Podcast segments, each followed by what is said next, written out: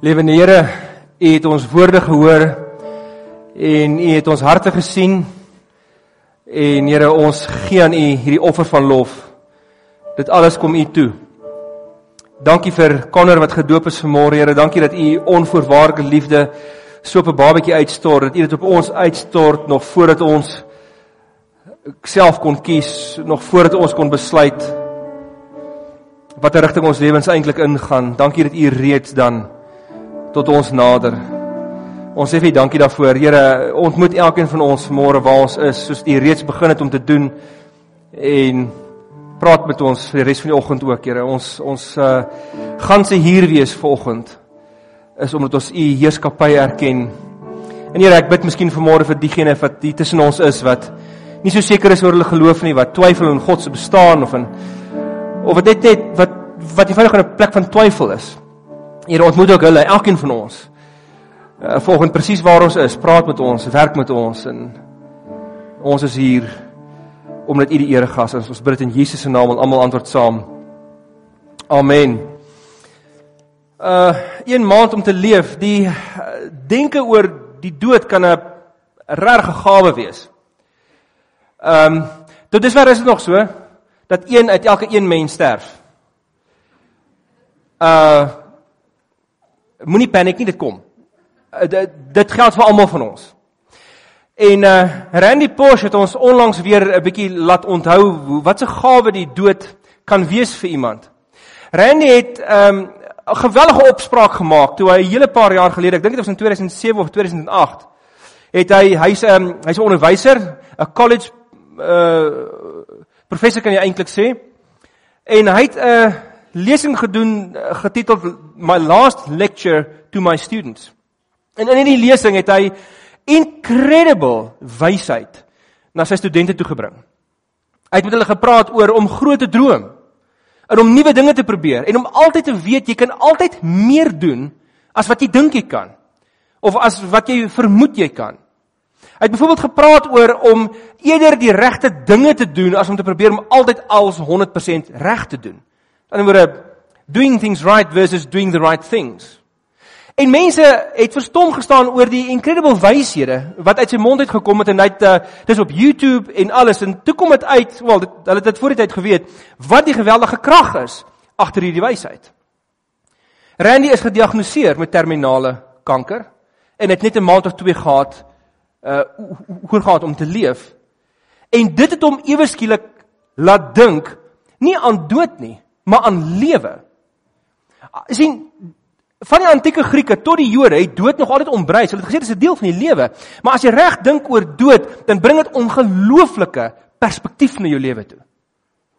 Selfs Stephen Covey in sy boek hele klomp jaar terug, Seven Habits of Highly Effective People, het gesê as jy effektief wil wees, begin met die end in mind. Begin with the end in mind. En hy daarmee bedoel verbeel jouself iets op jou eie begrafnis en kyk terug na jou lewe en trek die, trek die, die tydlyn terug tot waar jy vandag is.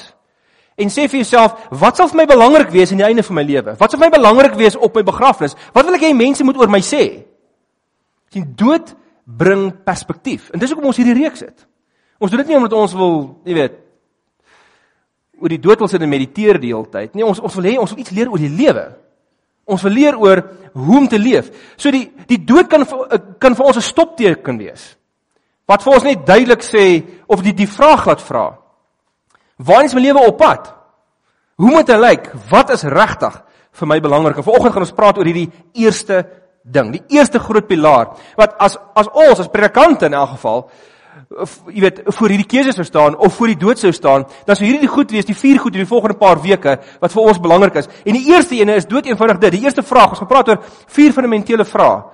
Bou jy jou lewe op die regte fondament? Het ek my lewe tot hier toe op die regte fondament gebou? Die van julle wat in besigheid is, weet. Um 'n slogan wat rondtrek wat ons almal baie van bewus is is uh, die volgende: The main thing is to keep the main thing the main thing. Bedoelende as iemand besigheid besig is, hoekom bestaan hierdie besigheid? Waar is ons op pad? Wat wil ons bereik? Wat is ons strategie? Dieselfde met die lewe. The main thing is to keep the main thing the main thing. Hoe weet ons? sien die ding is ons leef so vinnig vandag dat ons bietjie vergeet wat die main thing is. Of ons weet dit ons agterkop, maar dan gebeur 'n maandag iets soos die lewe en dit trek ons heeltemal van trek af. So die volgende paar weke gaan ons 'n bietjie stil staan by van hierdie goed. Ek wil miskien net oor hierdie tema praat. Die ding van bou jy jou lewe op die regte fondament? Praat oor twee mense in 'n fliek wat julle heel waarskynlik baie goed ken wat op twee verskillende fondamente gebou. Dis in Chariots of Fire. Uh die 81 uh treffer uit die beste hy die hy die Oscar gewen vir die beste fliek, beste fliek van die jaar. En hy vertel die verhale van twee van twee mense. En die eerste ene uh, is Harold Abrams. Harold Abrams.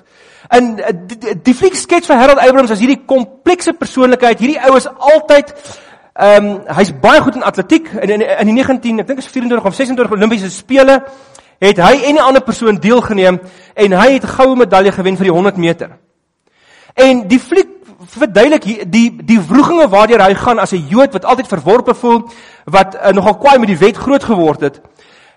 En hoe hy wroeg oor sy eie hardloop, hoe hy net eenvoudig moet wen, hoe hy iets het om te bewys. Hy kan eenvoudig nie anders nie.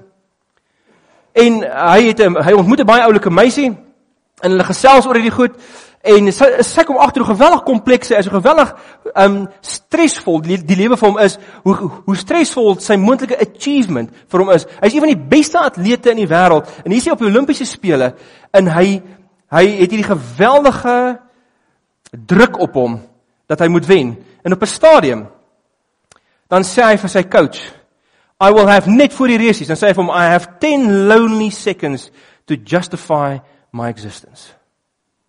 10 lonely seconds to justify my existence. Dis hoe baie mense vandag leef. Baie mense leef vandag so. Baie godsdienste werk so. Trouwens, meeste godsdienste werk so. You have to justify your existence. Jy moet wys wat jy kan doen. Jy moet so goed as moontlik raad om God of die gode te please. Baie Christene leef egter ook so. Ehm um, so julle ruk terug uh, 2 3 jaar terug het Charles Taylor 'n uh, 'n Kanadese akademikus baie belangrike boek geskryf uh, getiteld A Secular Age.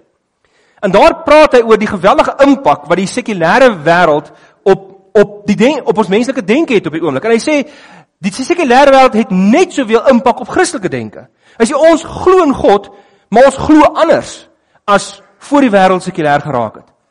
Ons sê ons glo in God en ons doen inderdaad opreg. Ons glo in God, maar ons dink nog steeds sekulêr. Ons dink nog steeds en daarom doen ons steeds baie keer sekulêr. En een van die maniere hoe ons sekulêr dink is hierdie ene. Ek glo in Jesus, ek glo hy het vir my gesterf, maar as ek môre in my lewe ingaan, dan ek net vandag of ek die werk wat ek doen of ek die achievement wat ek moet behaal to justify my existence, om te wys dat ek belangrik is, om te wys dat dat ek iewers kan kom, om te wys dat ek dat ek iets of iemand is. Soveel sodat uh uh Emil Broener en ehm um, Frank Lyk het 'n bietjie na die sendingvelde gaan kyk reg oor die wêreld, die Christen sendingveld. En vir myself hierdie vraag gevra, waarom vaar Christene so vrot op die sendingveld? Nee, nie nie vrot in die sin van hulle kry niks reg nie, maar vrot in die sin van hulle na 'n paar jaar ly hulle aan depressie, hulle brand uit, hulle kom ontnigter terug na na, na hulle tuisland toe en hulle is en hulle geloof hang in 'n draadjie. Hoekom is dit so? En hulle kom toe die een ding agter Hulle kom toe agter dat hierdie mense op die sendingveld is onder geweldige druk om teenoor die mense wat hulle finansiëel ondersteun, hulle self te bewys. Hulle voel hulle doen hierdie vir die Here, so hulle voel hulle moet hulle moet hierdie reg kry. Hulle mag nie faal nie. En hierdie twee ouens, eh, Lyk en Broener, gaan vra tot die vraag: Hoe het Jesus dit gedoen? Ek bedoel, Jesus was die mees effektiewe persoon denkbaar. Hy het net 2 en 'n half jaar of 3 jaar reg gewerk en bedien. En hier sit ons vandag 2000 jaar later, ons praat steeds oor hom. Hy was die mees effektiewe leier. Hy was ehm um, hy het gedoen sonder PA sekretaresse, selfoon en fax enige daai goeters. Hoe het hy dit reg gekry? Wat was die fondament waarop hy sy werk gedoen het? En hulle gaan besluit, hulle gaan kyk na die eerste hoofstuk van die Markus Evangelie. En hulle het 'n klomp goed raak gesien, maar onder andere die hoofding wat hulle raak gesien het is die volgende, net daai 3 verse. Jesus het in daardie selfde tyd van Nasaret in Galilea af uh, van Galilea van Nasaret in Galilea afgekom. Hy is deur Johannes in die Jordaan gedoop. Net toe hy die water uitkom, het hy die hemel sien oopskeer en die Gees soos 'n duif na hom toe sien neerdal. Daar was ook 'n stem uit die hemel: "Jy is my geliefde seun, oor jou verheug ek my." Nou hoekom hoekom is hierdie so fundamenteel? Want ons het gesien hier gebeur 'n interessante ding in Jesus se lewe. Die Vader spreek hierdie woorde uit oor sy seun: "Jy's my geliefde, oor jou verheug ek my." Met ander woorde, ek is ek het jou lief, weet hierdie van jouself, ek het jou lief en jy maak my bly. Dis wat dit beteken. Maar hierdie woorde word uitgespreek nog voordat Jesus 'n enkele preek gedoen het, nog voordat hy 'n enkele wonderwerk gedoen het, nog voordat hy iemand genees het, enigiemand bemoedig het, voordat hy enigiemand vergewe het van sonde. Hierdie ding hierdie is onvoorwaardelike woorde wat die Vader uitspreek oor sy seun. Jy is my geliefde oor jou verheug ek my jy, jy geliefd. Onthou hierdie ding jy is geliefd. Ons kan sien in die evangelies is identiteit 'n baie sentrale en baie belangrike ding. Want in Matteus die Matteus version gaan Jesus net dan na die woestyn in om deur die duiwel versoek te word. En wat is die heel eerste versoeking wat die duiwel vir hom sê? As jy regtig die seun van God is. Dis die eerste ding wat die duiwel aanval is sy identiteit. Wie hy is Want sien as ek my lewe bou op die woorde, as dit my lewensmissie is I have to justify my existence, dan dink ek baie anders oor myself. Wanneer dit goed gaan met my, dan voel ek 'n bietjie beter oor myself. Maar ek voel nog altyd ek kan beter en ek kan beter. Maar hoe voel ek die dag wanneer ek val? Dan ek geen identiteit nie. Of 'n baie vrot of 'n donker identiteit. Wat gebeur het wanneer die houe van die lewe my tref? En ek maak dit nie. Dan val ek in depressie. En daarom het hulle gesê Jesus het geleef volgens wat Emil Broener genoem het, the cycle of grace. Hy het geleef en bedien volgens the cycle of grace. Met ander woorde, as jy jy daar heel links kyk, dan sien hulle Jesus het sy heel eerste idee wat hy oor homself gehad het is die idee van acceptance. Sy sy heel eerste lewenshouding, sy heel eerste ding wat hy aanvaar het oor homself is hy is aanvaar deur die Vader. Hy is geliefd en hy maak die hart van die Vader bly. Net sy blote bestaan. Hy het nog niks gedoen nie. Nie sy performance nie. Net sy bestaan maak die hart van die Vader bly. En as jy daai ding het van acceptance, dan beteken dit jy kan engage in die tweede ding sustenance, practices, gewoontes van sustenance. Wat is sustenance? Sustenance is praktyke wat jy veronderstel is om besig te wees om die battery te herlaai, om te reflekteer oor dinge, om met jou familieverhoudings te bou, om om om saam met jou vrou op die strand te stap hand in hand en net nie te worry, nie ge-worry te wees oor die tyd nie. As jy reg accepted is, dan beteken dit jou identiteit word nie hang nie af van regtig wat jy doen of hoe oulik jy is of hoe cute jy is nie. Dit dit hang bloot af van wat God dink van jou en as God hierdie oor jou dink, dan kan jy onttrek. Dis hoekom Jesus, jy sien dit duidelik in sy lewe, net na hierdie, ook volgens die Markus Evangelie, voet hy die woestyn in vir 40 dae. 40 dae. Nou jy kan vir jouself dink, "Heng, ek moet die wêreld verander in 3 dae. Ek het nie tyd vir woestyn nie." Maar sien as jy as jou identiteit gebou is op acceptance dan kan jy woestyn toe. Dan kan jy soos wat Lukas 5 en 6 vir ons sê, die skares kan kom, die nood is groot. Dan sê Jesus, uh dan, word van hom gesê, hy het homself gedurende eers uit die skare verlaat om homself afgesonder eenkant saam met sy disippels of alleen om te bid. En soms het hy reg deur die nag gebid want uh, hy kon engage in in oomblikke van sustenance, oomblikke van stil sit. Net sit. Wanneer laas jy net gesit? Ah, ek sit nou lekker. Wat wat wat wat doen jy? Nee, ek sit net. Nee, maar hoekom sit jy bid jy? Nee, sit nie. Jy moet hoekom sit jy? Ons ken nie meer iets so stil sit nie. Miskien is die van ons wat nie kan stil sit nie. Op Harold Abrams se wêreldbeskouing. I have to justify my existence by being busy. En dan wanneer ons dit kan doen, dan bring ons by die derde en dit gee vir ons 'n gevoel van significance. Dit gee my 'n gevoel van ek word onverwaarlik aanvaar.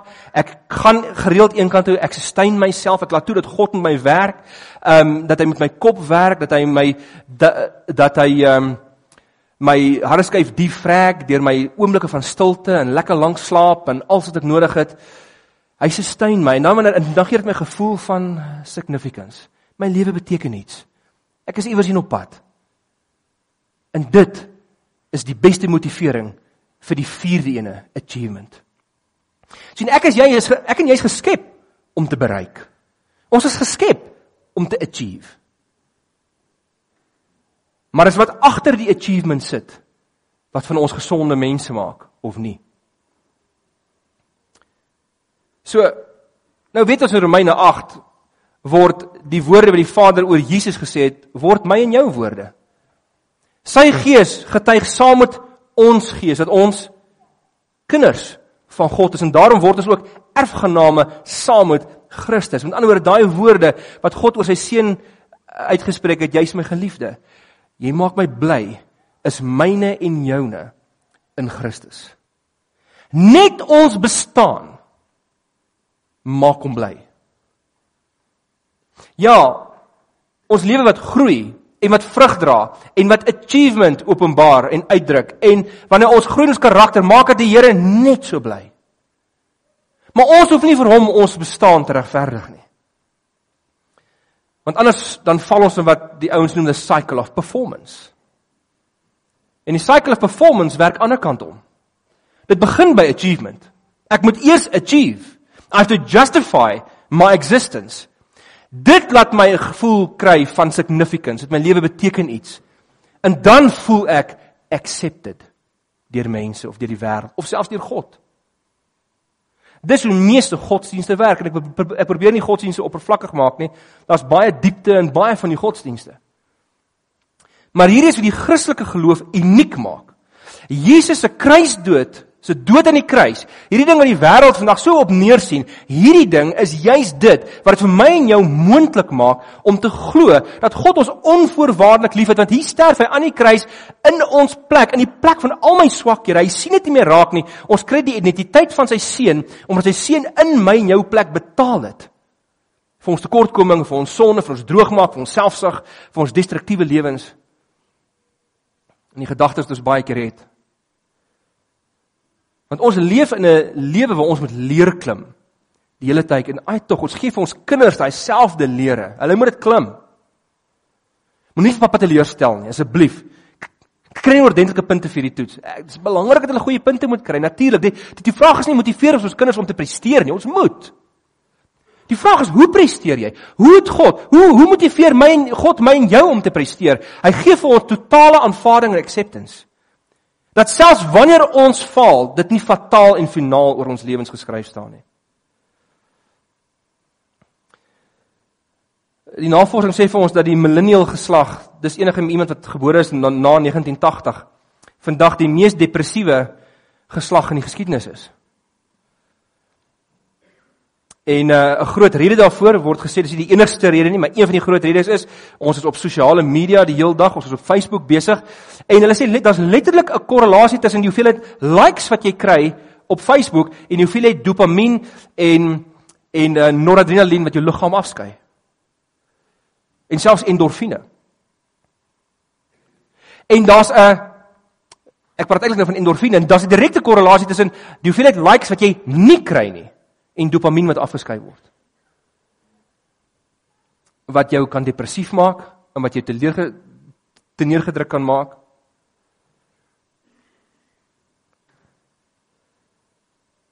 Want ons lewens word op 'n verkeerde fondament gebou. Ons glo in Jesus. As jy in die kerk is of as jy of as jy 'n Christen is. En ek neem nie aan almal vanaand uh, ag almal noodwendig vanmôre is nie. Miskien is jy vanoggend hier en jy's totaal onseker oor waar jy regtig is. Maar miskien begeer jy iets soos die cycle of grace. As jy die hele tyd vergelyk, dan werk jy volgens die cycle of performance. Wat sê ons vir mense as hulle vir ons vra hoe gaan dit vandag? Gaan dit met jou? Besig. Tjie, reg? Is dit jou antwoord? Get a life. Daar's mense in die besigheidswêreld, ek werk se nou net 'n bietjie as 'n konsultant ook vir besighede en Dis interessant hoe mense, daar's letterlik mense wat doelbewus hulle e-mails goed so stel. Hulle stuur e-mails aan die res van hulle bestuurspan toe of res van die personeel 2, 3 uur die oggend, want hulle vir mense oortuig hoe geweldig besig hulle is.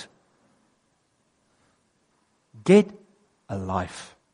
I have to justify my existence. En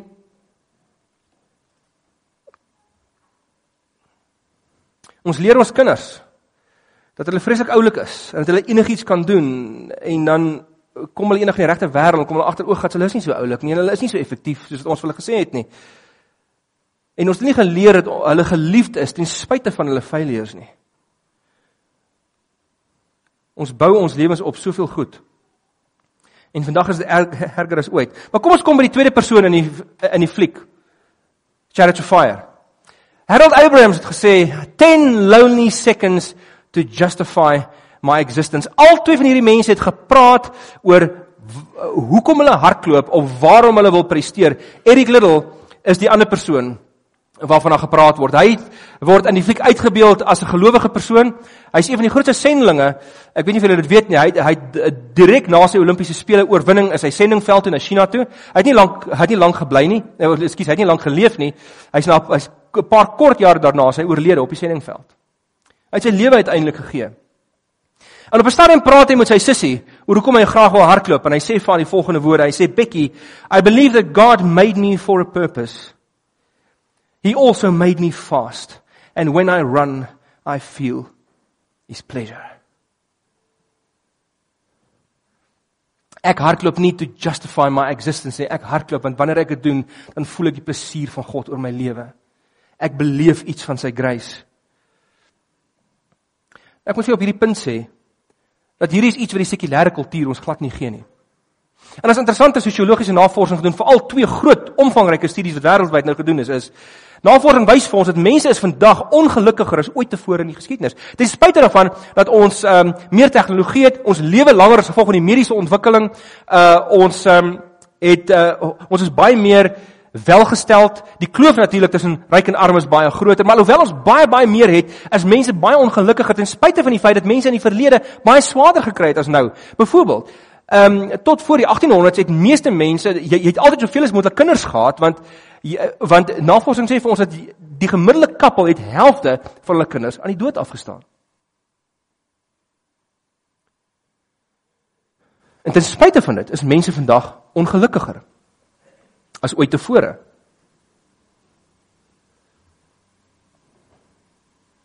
Die sekulêre kultuur help ons nie om beter mense te wees nie. Trouwens as ek as ek baie keer met skeptiese mense praat dan, dan dan sê ek vir hulle een van die redes waarom ek glo. En dis nie die enigste rede nie, daar's baie ander.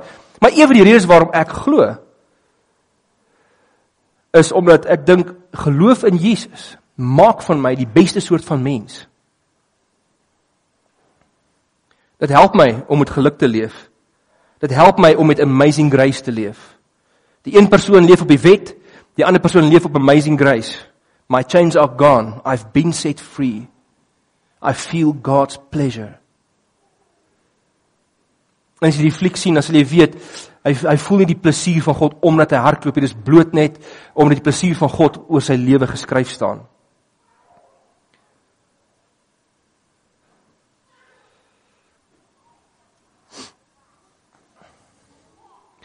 So leef jy jou lewe. Do you have to justify your existence? Of sê jy ek werk en ek presteer en ek doen hierdie dinge because I feel God's pleasure. Jy leef volgens die cycle of grace. So 'n paar praktiese dingetjies om aan te dink. Die eerste ding. Ons moet tyd spandeer in ons kop aan hierdie woorde: Jy is my geliefde. Oor jou uh, oor jou verheug ek my sien dit dis een ding om dit te weet, maar hier is die rede hoekom ons sekulêr bly in ons lewens, ten spyte van dat daarvan dat ons glo, is ons maak dit nie dis iets wat in ons kop weet, maar ons kry nie genoeg tyd om so te reflekteer daaroor en so te dink daaroor dat dit afsak hier in ons hart toe nie, dat dit hier binne gaan sit nie, dat ek dit dat dat ek dit uit my hart uit glo nie en uit my hart uit leef nie. En soos enige ander ding wat ons vandag het in ons lewe lewe wat great is, wat baie waardevol is, kry ons hierdie ding ook deur stadig dinge te doen, deur tyd te spandeer, deur te ontspan. Ek weet dis besig heng. Ons almal struggle met 'n besige lewe. En ek dink ons kan dit embrace in baie opsigte. Daar's tye wat mense moet besig wees. Besig wees is lekker. Dit moet net nie 'n addiction raak nie.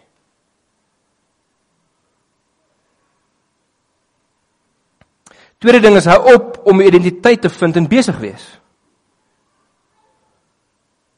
Stap stadiger by die werk. As jy stap van die na, na, na die koffiemasjien toe.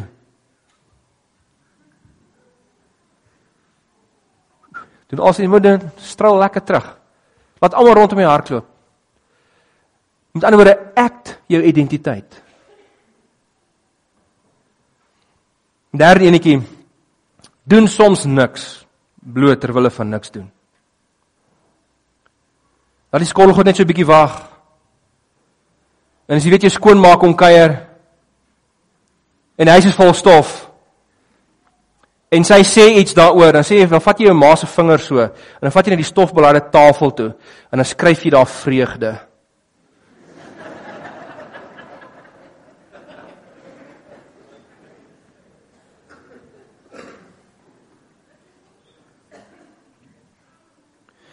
Moenie jou hoeveelheid vreugde vind, jou momentêre vreugde vind in hoeveelheid likes op Facebook nie. Vas partykeer 'n bietjie van van die sosiale media. Ek hoor nou die dag 80% van die mense kyk op hulle fone 100 keer per dag. 10%, hoor hierdie, 10% van mense stop seks en check hulle foon. Ek wil daai seks graag sien.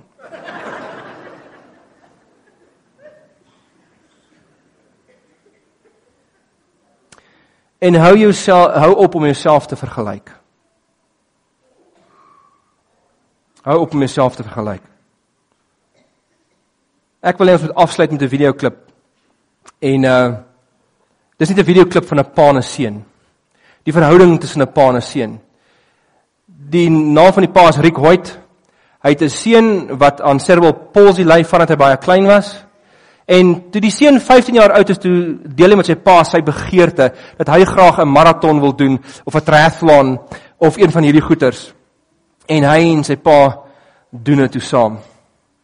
En ek wil jou vra terwyl ons hierna kyk, verbeel jouself, dink jouself die volgende in, sien jouself 'n bietjie as die seun, as die kind. En sien die pa as God. En imagine jouself in hierdie verhouding in. Lewende Here. Dankie dat U ons dat U ons stoot deur die resies van die lewe en dankie dat U alles gedoen het in ons plek. Alles gedoen het in ons plek. Sodat ons kan lewe, sodat ons U kan ken, sodat ons hierdie lewe kan leef op die regte fondament. Die fondament van 'n identiteit wat gefestig is in God en God alleen wat gefestig is Here in dit wat U alleen vir ons aan die kruis gedoen het en op niks anders nie.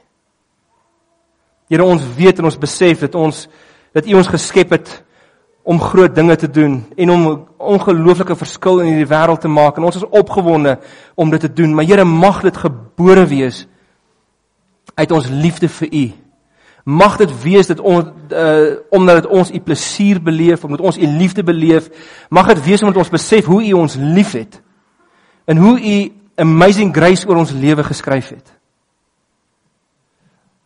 Here mag ons besef sommige van ons het ons leef volgens 'n cycle of performance. Terwyl ons so met oë toe sit, almal hou hulle oë toe. Miskien is daar 'n paar van ons wat vanoggend besluit wie ek wil afsien van 'n cycle of performance is besig om my moeg te maak. Ek wil na Jesus Christus toe kom. Ek wil net opnuut aan sy voete sit en ek myself commit tot die cycle of grace. Miskien is jy hier vanoggend hier en jy jy is nie seker oor waar jy is in jou geloof nie. Miskien is jy een van hierdie mense waar ons vroeër gepraat het. Miskien wil jy vanoggend vir die eerste keer na Christus toe kom. Miskien is jy moeg.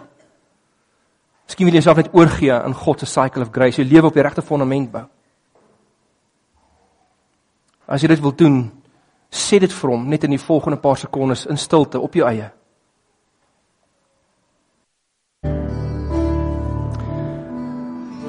Mag die amazing grace van God ons Vader en die onvoorwaardelike liefde van Jesus Christus sy seun en die liefdevolle vertroosting en leiding van die Heilige Gees met elkeen van julle wees en die gemeente antwoord.